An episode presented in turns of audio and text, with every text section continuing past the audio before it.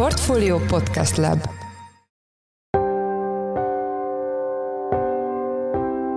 Mindenkit üdvözlünk, sziasztok! Ez a Checklist a Portfolio podcastje február 22-én szerdán. A műsor első részében arról lesz szó, hogy valóban érdemi nemzetgazdasági előnyöket hoz-e egy olyan beruházás, mint a Debreceni CATL akkumulátorgyár, vagy éppen ellenkezőleg az ilyen megaberuházások nyomán tartós szerkezeti eltolódások következhetnek be, amelyek következményei súlyosak. Jó helyen van-e Magyarországon egy energia igényes víz, energia és egyéb igényes termelés, ami ráadásul az összeszerelő jellege miatt több ezer munkást igényes. Szóval ez a következtetésem, és ez nem meglepő, hogy Magyarország importőr, mégpedig sokkal jobban függ a külpiacoktól energiát tekintve, mint az európai átlag, tehát nem ide való ez az energiaigényes termelés. Vendégünk Bot Péter Ákos, egyetemi tanár, a Magyar Nemzeti Bank korábbi elnöke. A második részben az infláció és a magyarok megtakarításainak kapcsolatáról beszélünk, többek között a pénzügyi eszközök állományáról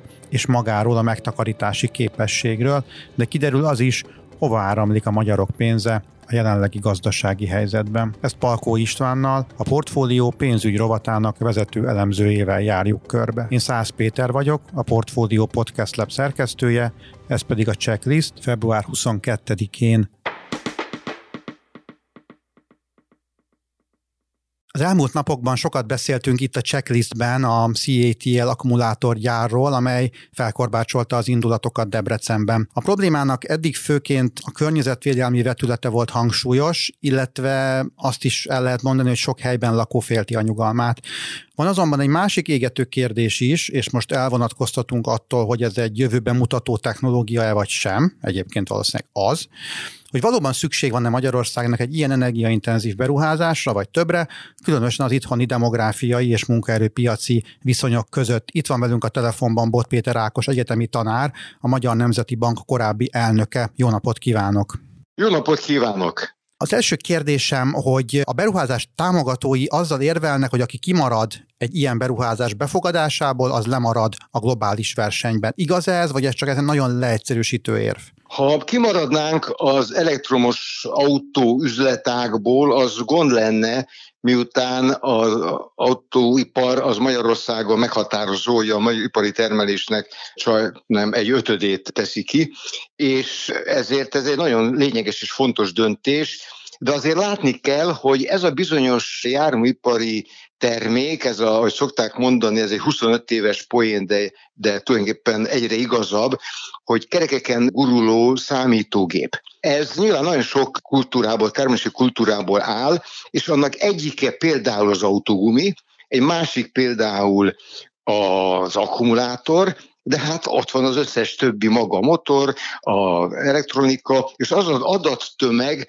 aminek a felhalmozása már folyik, hiszen annak a, a szükséges ahhoz a fejlesztéshez is, meg később a közlekedéshez. Tehát egy olyan termelési kultúra halmazról van szó, amelyben el kell helyezkedni egy országnak. Na most, ami a konkrét beruházást illeti, én sem akarok állást foglalni most ebben a pillanatban, bár van véleményem, de itt nem egy nagy beruházásról van szó, hanem az N plusz egyedikről, és már előtte is vannak, és még ugye megeshet, hogy ez az iparág tovább fejlődik, és az a nagy kérdés, a, most már iparpolitikát mondok, vagy gazdaságpolitikát még általánosabban, az a nagy kérdés, hogy itt kell-e bemaradni, vagy beszállni az autóiparban Magyarországnak. Erre kell-e szakosodnia, és a válaszról azt kell tudni, hogy mikhez vannak adottságaink, ez ugye úgy mondjuk, hogy, hogy milyen területen van komparatív előnyünk, tehát másokkal szembeni előnyünk. És a cikkemnek valóban az a, az a kifutása,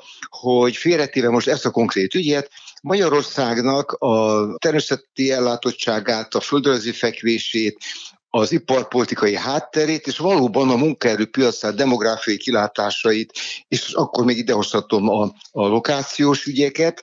Nincs olyan előnye, ami miatt érdemes volna a szűkös erőforrásokat pont ide irányítani. És nem lehet az, hogy igazából ezt a döntést már Magyarország meghozta akkor, amikor úgy döntött, hogy rengeteg autóipari beruházást hoz ide ennek a közvetlen munkaerőt, piaci és a beszállítókon keresztüli előnyével, és most már csak megyünk előre, mert egyszerűen nem húzhatjuk be a féket. Na most, amikor azt mondtam, hogy van-e komparatív előny, akkor meg kell nézni, milyen adottságok vannak, és valóban az egy nagyon lényeges szempont, hogy ha már itt van egy halom autóipari beruházás, az már adottságá vált. De azért én azt mondom, és most, ha megengedi, akkor visszamegyek időben, mert mint volt ipari miniszter, én magam is itt bábáskodtam néhány beruházásnak idehozatalánál, hát például, amikor az Audi eldöntötte 93-ban, hogy nem Magdeburgot, hanem Győrt választja, az egy nagyon fontos döntés volt, és utólag visszanézve, persze most már három évtized lassan, hogy a döntés után lehet látni, hogy nem csupán jó döntés volt, de ez már messze több, mint az, az összeszerelés, mert azért hozzáadott értéket tekintve értékesebb ügyek is győrbe kerültek. És akkor ez a következő kérdések egyike, hogy egy döntés után van-e tovább lépés, feljebb lépés az értékláncon, és bár nem akarom szakértőként megszólalni akkumulátorügyben, hanem azt akarom mondani, hogy valószínű, hogy ez az iparág, amiben a legkevesebb a tovább lépési lehetőség, mert a technológiája az adott, a gyártók otthon fejlesztenek, szóba se jön, hogy mondjuk egy kínai gyártó Európában, azon belül Magyarországon műszaki fejlesztene, bármi nagyobb hozadott értékét idehozna, tehát itt a tovább lépésnek a lehetősége cseki. A többi területen se rózsás a helyzet, hiszen az autóiparhoz ugyan sokan hozzá kapcsolódtak beszállítóként, de azért lássuk be, hogy nagyon nehéz itt magasabb értékláncra fölmenni, nagyobb hozadott értékű tevékenységekbe bekapcsolódni, és az a félelmem, hogy a erőforrásoknak az ideirányítása az tartósítja ezt a helyzetet. Tehát visszatérve az alapkérdésre, igen, nehéz irányt változtatni, de ha most sodródunk és azt mondja valaki, és most úgy látom, van erre hajlandóság, hogy hát itt szükség van Európának, ez egy nagyon nagy ipar, ajánljuk fel magunkat, sőt, küzdjünk érte, jelentősen akár kifizetve a beruházási költségek tizedét csak jöjjenek ide, bezárjuk magunkat egy adott területre. De ez nincs vége a dolognak, ugyanis ez az iparág energiaigényes. Tehát a következő kérdés, hogy jó helyen van-e Magyarországon egy energia igényes víz, energia és egyéb igényes termelés, ami ráadásul az összeszerelő jellege miatt több ezer munkást igényel. És ez a következtetésem, és ez nem meglepő, hogy Magyarország importőr, mégpedig sokkal jobban függ a külpiacoktól energiát tekintve, mint az európai átlag, tehát nem ide való ez az energiaigényes termelés hogyha most évekkel korábban beszélgetnénk, vagy tegyük fel hipotetikusan, hogy nincs járvány és nincs háború, akkor ugyanezek a megállapítások igazak lettek volna, vagy az elmúlt pár évben változott meg annyira az ellátási lánc, és, és indult el egy deglobalizációs folyamat, hogy az hozhatott fordulatot ebben a kérdésben. Ez egy nagyon izgalmas kérdés, és nagyon jó, hogy föltettem, mert magam is föltettem, hogy az elmúlt két-három évben történt-e olyas valami, ami egy trendet megfordít, és persze nagyon sok minden történt, de például az, hogy az energia ára az nem tud tartósan lejjebb menni. 2020-ban lejjebb ment, de csak azért, mert leállt az élet. 21-ben feljebb ment, mert újraindult az élet.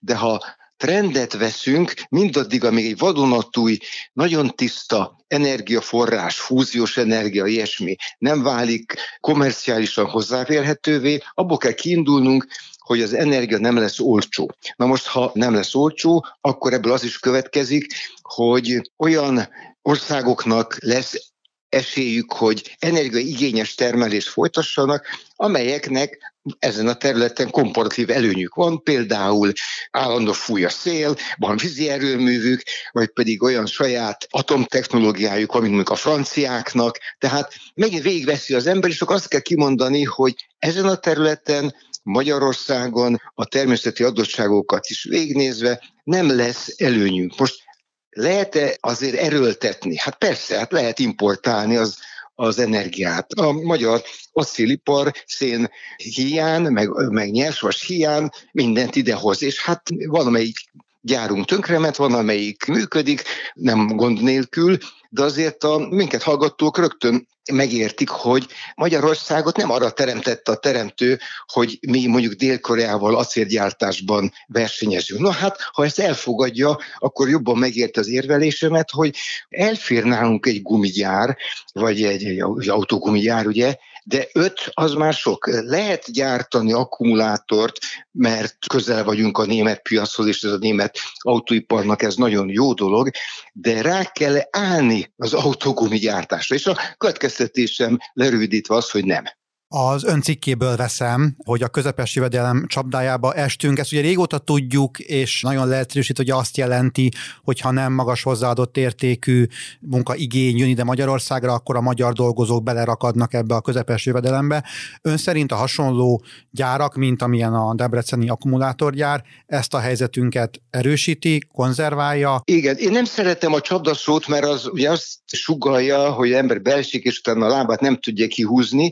Inkább azt mondanám, hogy az a fajta fejlettségi szint, amivel eljutott Magyarország, de éppen Kína is, és sok más, ország az nehéz pálya, mert nem elég fejletlen ahhoz, hogy gyorsan növekedjen átvéve meglevő technológiát, de nem elég gazdag ahhoz, hogy az intézményei erősek, tőkeigényesek, tőkével ellátottak legyenek, az intézményeik válságállóak, és hát olyan termelékenységi szintet érnek el, amely mellett a kisebb hullámzásokat szépen át tudják vészelni. Tehát ez egy nagyon, nagyon nehéz terep. És a kérdés az, hogy ha az erőforrások végesek, meg hát persze minden véges, a munkaerőállomány is véges, akkor kell-e olyan területet forszírozni, erőltetni, növelni, amelynél lehet tudni, hogy a hozzáadott érték nem túl nagy.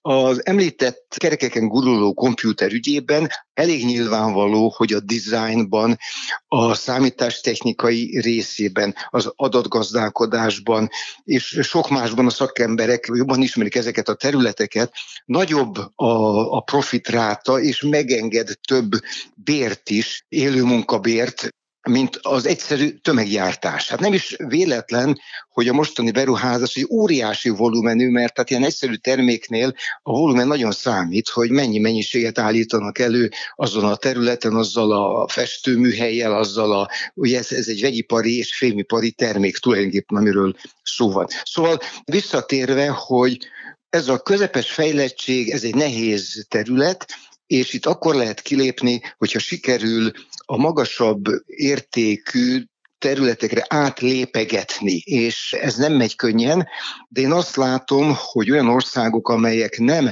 tömegtermelésre szakosodtak, mondjuk mint, mint, mint Észtország, a balti országok, vagy Szlovénia, azoknak, azoknak könnyebb feljebb lépni, hiszen hát kevesebb összeszerelő munka kell, de több, több műszaki háttér kell. Több, egyszerűen szóval több számítástechnikus és kevesebb szalag melletti munkás, és az onnan megint tovább lehet lépni, Szerencsével nem könnyen, a Nokia története mutatja, hogy az is egy kockázatos terület, de mégiscsak más, a megszerzett tudás miatt. Szóval ezért is írtam ezt a cikket, hogy én szerintem sosincs késő hiszen mindig újabb és újabb döntések elé kerülünk, csak nehogy az legyen, hogy ha már itt van három gyár, akkor a negyedik és ó, milyen nagy, akkor kell nekünk, és ha már itt van a negyedik és az ötödik, akkor viszont rengeteg áram kell, de miután annak a importálása kockázatos és drága, na akkor nyissunk lignit bányát, és építsünk egy, egy erőművet. És halkan mondom, de hát politikusi megszólalásokból jött ilyen üzenet, hogy semmi vész, majd mi akkor önellátjuk magunkat. No, ez még a fenyegetőbb része annak, mint amiről beszéltünk, mert hát idáig azt lehet mondani, hogy van egy gyár, a kockázata nem a miénk, a kereskedelmi kockázat, hát az a kínai befektetői, ha nem nagyon sikerül, vagy kicsi a, a profitráta, hát Istenem, az az ő baja, bár hozzáteszem, ez se igaz, hiszen a szubvenciónk miatt ez magyar költségvetési ügy is, na de az ottani munkások vére szempontjából egyáltalán nem mindegy, viszont ha ez be kell ugrani még a bányászatba és a áramfejlesztésbe, és olyan területekre, amikben pláne nincsen komparatív előnyünk, akkor a problémát hatványozottá teszi ez a logika. Részben meg is válaszolta az utolsó kérdésem, de azért annyiban visszatérnék rá, hogy az lett volna a kérdésem, hogy nincs-e kijelölve az utunk, de erre azt a választotta, hogy nem, kis lépésenként le lehet térni erről a kijelölt útról egy a magyar adottságok szempontjából kedvezőbb irányba. Esetleg példákat tudna mondani, akár külföldi példákat, hogy, hogy hogyan lehet szépen lassan eltéríteni a, akár a beruházások ösztönzésével azt az utat, amit most Magyarország elkezdett bejárni? Én, én nem merek improvizálni, mert azért iparági szakemberek mindig nagyon jól tudják, hogy melyik az a terület, amire még be lehet lépni, és melyik az, amiben tulajdonképpen hát a kártyák már le vannak osztva. De azért azt gondolom, hogy minden olyas valami, ami a közepes méretű cégeknek az értékláncokba való bekapcsolódását segíti, az változékonyabbá teszi a struktúrát, és ha jön a jövő fél évben egy új fordulat, akkor ahhoz egy, egy 80 fős mérnöki vállalat tud igazodni a 150 fős cég át tudja szerszámozni magát, és át tud állni másra. Ha azonban van egy, egy 8000 fős betonított munkásra felépített lánc, az ott marad. Tehát én azért azt gondolom, hogy, hogy mindig van lehetőség, én ezt nem merem katedráról megmondani, merre van, de hát azért ugyanazt a pénzt, ha az oktatásba teszik, és ez közhelynek hangzik, de nem az, akkor tulajdonképpen olyan ágakon lehet beszállni az értékláncokba, amikre szintén szükség lesz, hiszen aki mondjuk egy új technológiát említ az autózás területén, az azt is nagyon jól tudja, hogy rengeteg szakemberre lesz szükség, miközben mások persze feleslegessé válnak. És azokat a szakembereket előbb-utóbb a francia, a német autógyárak, termelők valonnan majd beszerzik, a beszállító láncolatot kialakítják. Ezek a láncolatok most mozognak. Tehát valóban érdekes időszak van most, mert azok a folyamatok, amik megindultak, azok felgyorsultak. Én nem látom azt, hogy vadonat új folyamatok lennének csak, olyanok is vannak persze, pontosan a, a geopolitikai kockázatok miatt, a tömbösödés miatt, de van egy halom folyamat, aminek látjuk a logikáját, és egyáltalán nem mindegy, hogy mi még 500 mérnökkel, vagy keresünk olyan technológiát, ami kell 8000 ember, és akkor jön még az a része, amit átléptünk. Ugye a magyar demográfia olyan, amilyen, az ország létszáma sajnálatos módon évtizedek óta már csökken, ezért nagy volumenű betonított munkát, de bármilyen nagy volumenű munkahelyet teremteni Magyarországon már csak mesterségesen lehet. Lakótelepeket építeni és vendégmunkásokat idehozni. Most ennek az összes szociológiai, társadalmi, politikai és hát nem utolsóban gazdasági gondjait most nem hozom ide, annyi időnk nincsen, de hát a minket hallgatók végig tudják gondolni, hogy erre fordítani a szűkös erőforrásokat túlzás lenne. Köszönöm szépen. Az elmúlt percekben Bot Péter Ákos egyetemi tanár, a Magyar Nemzeti Bank korábbi elnöke volt a vendégünk, köszönjük szépen, hogy a rendelkezésünkre állt. Én köszönöm szépen. Azt élhetően mindenki érzi a saját bőrén, hogy az infláció hogyan nem észti fel a fizetésünket, keresetünket, illetve annak értékét, és hogyan tudunk egyre kevesebbet vásárolni egységnyi pénzből. Az viszont kevesebb figyelmet kap, hogy mit tesz a pénzromlás a megtakarításainkkal nem sok jót, ezt el lehet mondani. Itt van velünk a stúdióban Palkó István, lapunk pénzügyi divíziójának vezető elemzője, akivel a jegybank pénzügyi számlák statisztikáját elemezzük. Szia! Szia Péter, köszöntöm a hallgatóinkat! Elsőként kérlek azt mondd el, hogy miként változott a háztartások pénzügyi eszközállománya nominálisan, illetve reál értéken. Hihetetlen számokat fogok mondani. 84 ezer milliárd forintra emelkedett 2022 végére a háztartások pénzügyi eszközeinek az állománya. Ebben nem csak a szűkebben értelmezett megtakarítások vannak benne, hanem például a céges érdekeltségek is, amelyekre vonatkozóan nyilvánvalóan valamilyen becslést, számítást kell alkalmazni a Magyar Nemzeti Banknak. Ez az előzetes pénzügyi számlák statisztika, amelyben gyakorlatilag minden benne van, a reál eszközöket, például ingatlanokat ide nem számítva.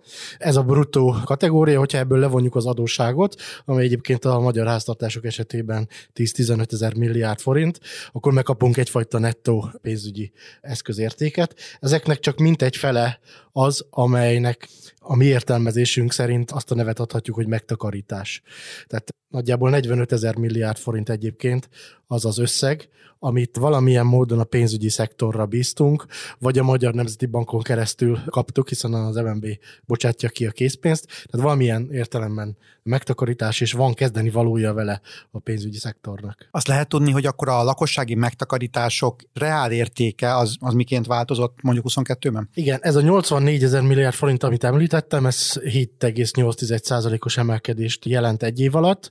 Ha azonban csak azokat nézzük, amelyek ténylegesen megtakarításnak számítanak, akkor ennél alacsonyabb volt a, a növekedés. Itt már csak 6,2%-os növekedést látunk, ha pedig még az inflációt is figyelembe vesszük, tehát hogy reál értéken miként változott, akkor bizony sajnos ugye a decembertől decemberig mért 24,5%-os inflációval kell nagyjából számolnunk, hiszen ez mutatja meg, hogy egyik évről a másik év végére miként romlott a pénzünknek az értéke, és az alapján már majdnem 15%-kal csökkent a nominális növekedés ellenére is a magyar háztartások megtakarításainak a reál értéke. Az nem hangzik túl jól, és akkor azt most elmondtad, hogy mennyi az értéke, és azt lehet-e látni, hogy milyen a megtakarítási képessége a lakosságnak, ez javult-e, romlott-e mondjuk 20-hoz vagy 21-hez képest?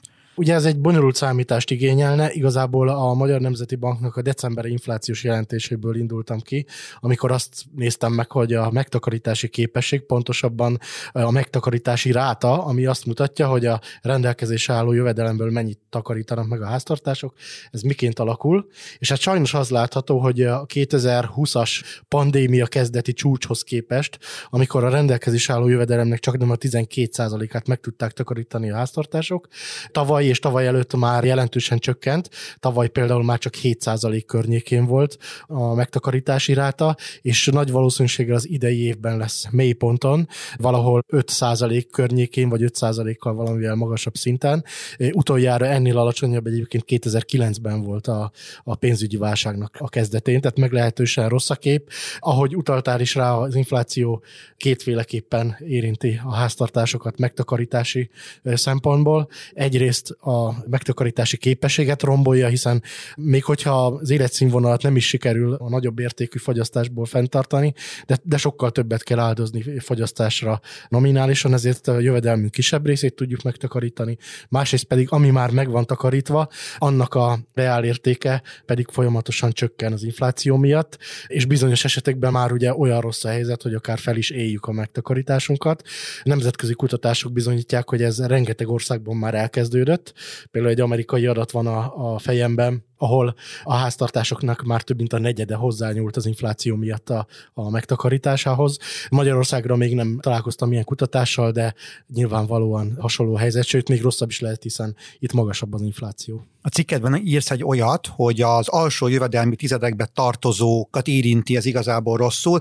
Csodálkoztam ezen, mert valahogy bennem az a kép élt, hogy Magyarországon van egy óriási társadalmi réteg, akiről azt mondják, hogy egyik hónapról a másikra él, tehát van valamennyi bevétele, a háztartásnak az vagy elég lesz a következő fizetésig, vagy nem, és azon lepődtem meg, hogy ebben a rétegben is beszélhetünk még megtakarításról. Ez milyen mennyiségű megtakarítást jelent, akár százalékosan, akár ha lehet esetleg ezt forintosítani? Hát ez csak a hónapon belüli megtakarítás, tehát azt, azt jelenti, hogy a következő hétre gyakorlatilag mennyi pénzünk van fogyasztani. Ugye ez, ez egy hónapon belüli fogyasztásra szánt összeg, amiről a, a legalacsonyabb decilisekben beszélhetünk. Egy novemberi felmérésünk, pontosabban novemberben közölt felmérés mutatja azt, hogy hányadán is állnak a megtakarításokkal a, a magyar háztartások, és sajnos nagyon rossz a kép. A háztartásoknak vagy a válaszadóknak mindössze 39%-kal mondja azt, hogy rendelkezik olyan megtakarítással, ami alapján egy hónapnál tovább kihúzná, és ugye az még valószínűleg nem is volt a, a mélypont, hiszen,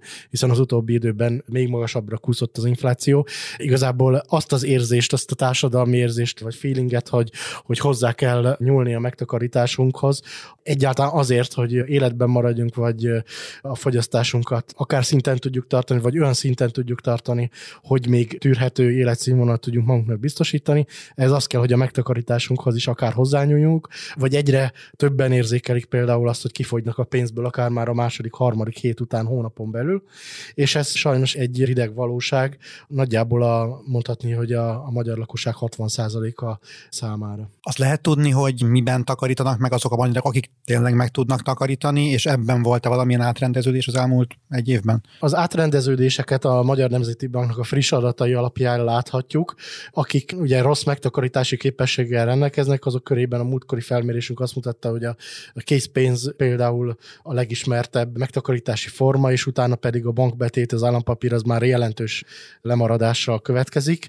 Ugyanakkor a nagy statisztikák azok nem a legszegényebbeknek a megtakarítási magatartását mutatják, hiszen ők nem szerepelnek ezekben a statisztikákban lényegében, hanem jó részt a felső 1-2-3 decilisnek a, a mozgásait mutatják, és nagyon hangsúlyos benne például a privát banki ügyfeleknek a szerepe, hiszen ők rendelkeznek a több száz, több ezer milliárd forintnyi mozgatható vagyon tömeggel összességében, és hát az mondható el, hogy tavalyi évben a befektetési alap lett az új állampapír az, azt akarom mondani, hogy éveken keresztül nagyon dinamikusan, kétszemjegyű mértékben emelkedett a háztartásoknak az állampapír állománya.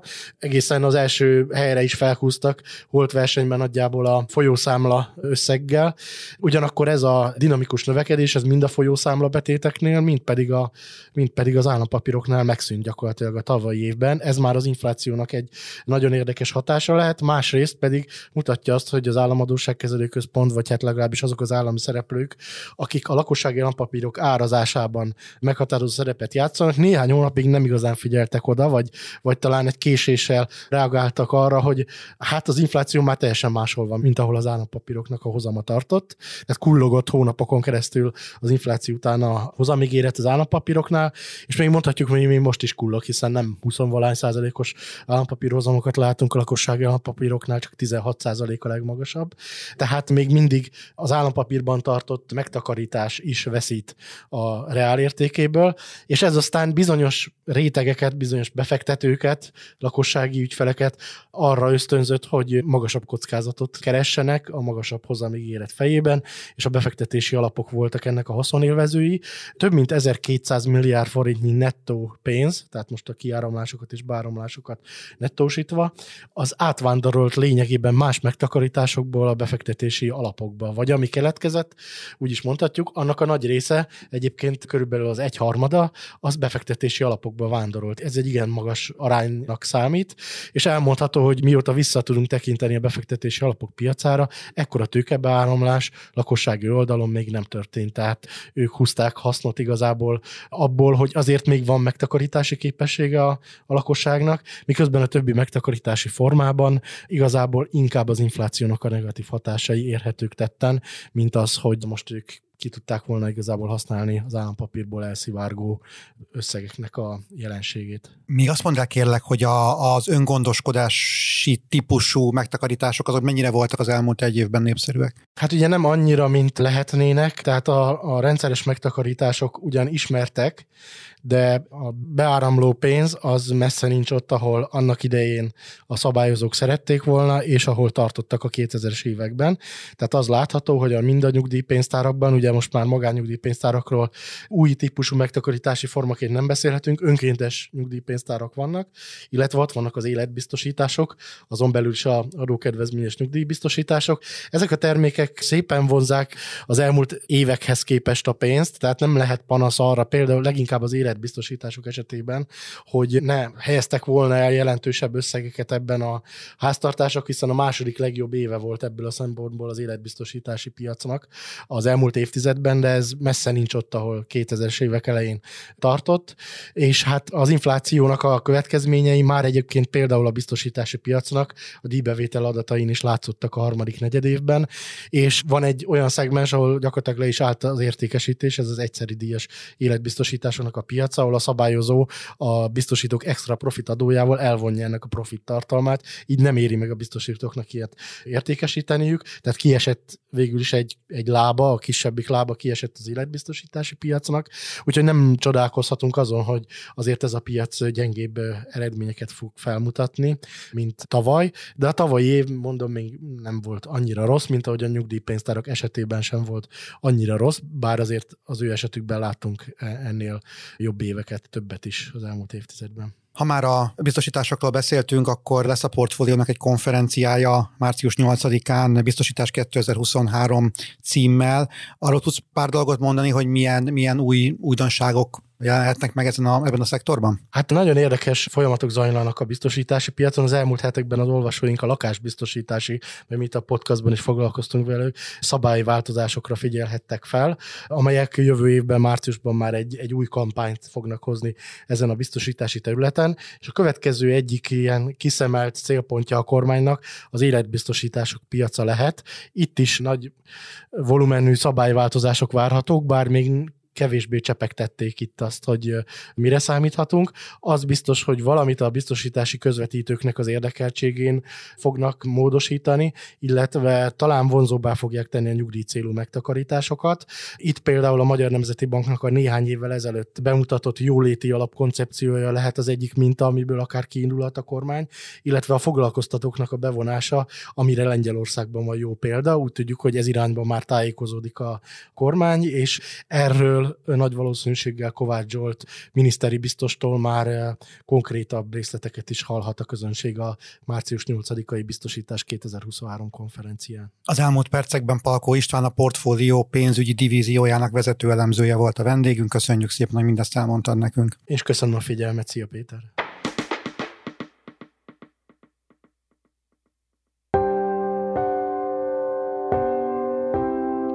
Ez volt már a Checklist, a Portfólió napi podcastje február 22-én. Ha tetszett a műsor, és még nem tetted volna, iratkozz fel a Portfólió Checklist podcast csatornára valamelyik nagyobb platformon, például Spotify-on, Apple vagy Google Podcasten. Ha segítenél nekünk abban, hogy minél több hallgatóhoz eljussunk, értékelj minket azon a platformon, ahol ezt az adást meghallgattad. A mai műsor elkészítésében részt vett Bánhidi Bálint, a szerkesztő pedig én voltam Száz Péter. Új műsorral holnap délután 5 óra magasságában jelentkezünk, addig is minden jót, sziasztok!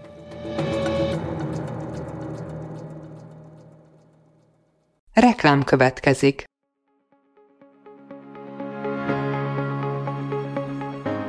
Raúl Müller Lajos vagyok, az agrárszektor főszerkesztője. Májusban két tematikus konferenciát is rendezünk Kecskeméten az agrofood szektor szereplőinek. A május 22-én tartandó Portfolio Agrofood 2024 konferencia az élelmiszeripari vállalkozások, beszállítóik, a szolgáltató cégek és a kereskedők számára nyújt egyedi betekintést az aktuális trendekbe. A május 23-án megrendezendő Agrofuture konferencia pedig egyedülálló módon tematikus formában foglalja össze a hazai agrárgazdaság fenntarthatósági követelményeit és innovációs lehetőségeit. Jöjjön elő is, részletek és jegyek a portfolio.hu per rendezvények oldalon.